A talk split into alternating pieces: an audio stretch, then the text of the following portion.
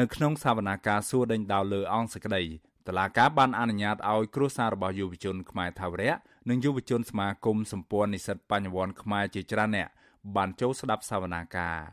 មេធាវីការពីក្តីឲ្យសកម្មជនយុវជនទាំង7រូបលោកសំចម្រើន ថ្លែងថាចក្រមតឡាការក្រុងភ្នំពេញ លោកទឹកសុធីបរឆាត បានសួរដេញដោលពេញមួយព្រឹកលើអង្គសេចក្តីនៅចំពោះមុខវត្តមានកូនក្តីរបស់លោកទាំងអស់ ក៏ប៉ុន្តែចក្រមសួរដេញដោលតែយុវជនចំនួន4នាក់ប៉ុណ្ណោះរួមមានលោកថាឡាវី កញ្ញាអេងម៉ាឡៃលោកមួងសុភ័ក្រនិងប្តីជគុណកាត់សារាយក្រុមបទចោតញុះញង់បង្កឲ្យមានភាពវឹកវរធ្ងន់ធ្ងរដល់សន្តិសុខសង្គមចំណែកឯយុវជន3នាក់ទៀតមានលោកស្រីឈឿនដារាវី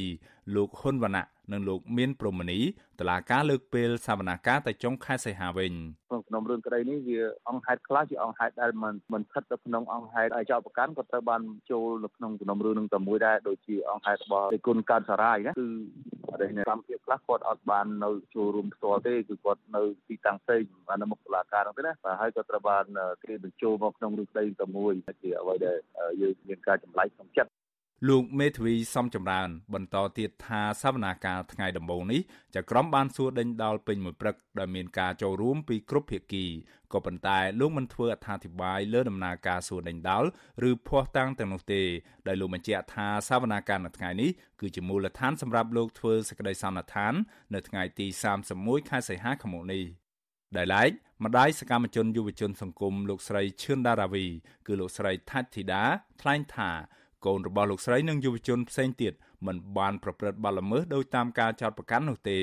ព្រោះលោកស្រីថាពួកគេគឺជាយុវជនស្រឡាញ់សង្គមដែលតែងតែចេញមុខការពារភូកទ្របជាតិធនធានធម្មជាតិនិងទាមទារឲ្យមានយុត្តិធម៌សង្គមជាដើមលោកស្រីសង្ឃឹមថាតឡាការក្រុងភ្នំពេញនឹងផ្ដល់យុត្តិធម៌ដល់កូនរបស់លោកស្រីនិងទម្លាក់ចោលបទចោទប្រកាន់ឲ្យដោះលែងពួកគេឲ្យមានសេរីភាពឡើងវិញ។ តាមដែលខ្ញុំស្ដាប់ការងាររបស់គាត់ហ្នឹងគឺគួរតែរដ្ឋាភិបាលផ្ដល់ការលើកទឹកចិត្តដល់ពួកគាត់ពីព្រោះទៅតាមភាពរបស់គាត់ហ្នឹងការពារយុទ្ធធម៌គឺគាត់ទាមទារឲ្យមានការដោះលែងលោករងជនហើយដោយសារពួកគាត់គិតថាលោករងជនហ្នឹងជាបុគ្គលស្អាតស្អំជាបុគ្គលដែលស្វាហាចិត្តដី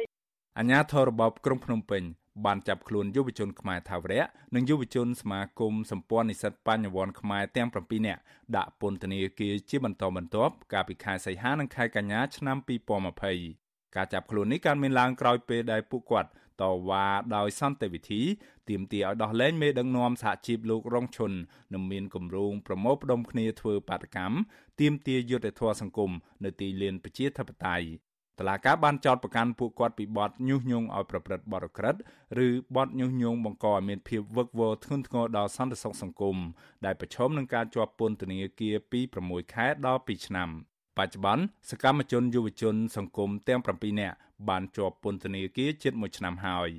ឆ្លើយតបជុំវិញរឿងនេះ អ្នកនាំពាក្យតឡាការក្រុងភ្នំពេញលោកប្លង់សផលប្រាប់វិសុយស៊ីស្រីយ៉ាងខ្លីថាលោកសុំមិនអត្ថាធិប្បាយជុំវិញបញ្ហានេះទេដោយលោករញឲ្យផ្ញើសំណួរតាមប្រព័ន្ធបណ្ដាញសង្គម Telegram វិញវិសុយស៊ីស្រីបានផ្ញើសំណួរតាមប្រព័ន្ធបណ្ដាញសង្គម Telegram ក៏ប៉ុន្តែអ្នកនាំពាក្យរូបនេះមិនទាន់ឆ្លើយតបជុំវិញរឿងនេះនៅឡើយទេគិតត្រឹមល្ងាចថ្ងៃទី27ខែកក្កដាជុំវិញរឿងនេះ ប្រធានសមាគមការពារសិទ្ធិមនុស្សអាត6លោកនីសុខា មានប្រសាសន៍ថាសង្គមស៊ីវិលមើលឃើញថាយុវជនសង្គមទាំងនោះពុំមានកំហុសដោយការចោទប្រកាន់នោះទេព្រោះពួកគាត់បានប្រើប្រាស់សិទ្ធិសេរីភាពដែលធានាដោយច្បាប់លោកទទូចដល់តុលាការឲ្យទម្លាក់ចោលបទចោទប្រកាន់ប្រឆាំងនឹងក្រុមយុវជនសង្គមទាំងនោះ ហើយដោះលែងពួកគាត់ឲ្យមានសេរីភាពឡើងវិញព្រោះយើងដឹងថានៅពេលដែលឃុំខ្លួនជនជាប់ចោតដែលមានរយៈពេលរហូតដល់ឥឡូវនេះវាមួយឆ្នាំហើយបាត់ល្មើសពួកគាត់ស្ទើរបាត់មួយឆំទេដូច្នេះខ្ញុំគិតថានេះជាការមួយរំលោភទៅលើគោលការណ៍សិទ្ធិទទួលបានយុត្តិធម៌របស់ពួកគាត់យើងឧទាហរណ៍ថាបើសិនជាគាត់រកទោសកំហុសទៅឃើញអានោះមិនអីចុះបើសិនជាពួកគាត់អត់បានប្រព្រឹត្តចុះអាការដែលជាប់ជាប់ឃុំឡើងមួយឆ្នាំផ្លាយយើងត្រូវដោះស្រាយយ៉ាងម៉េចអញ្ចឹងបានយើងចង់ឲ្យតុលាការនឹងពន្លឿននីតិវិធីហើយបើសិនជាយើងមិនពន្លឿននីតិវិធីឲ្យបានទាន់ពេលវេលាឬក៏ឲ្យបានលឿនទេគឺថាយើងស្នើឲ្យមានការដោះលែងពួកគាត់ឲ្យនៅក្រៅឃុំបណ្ដោះអាសន្នសិនទៅ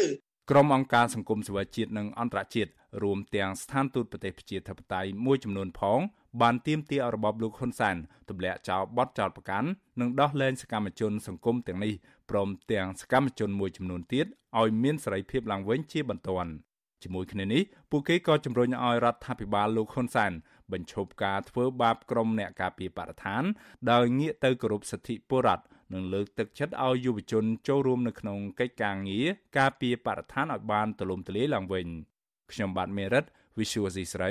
រាយការណ៍ពីរដ្ឋធានី Washington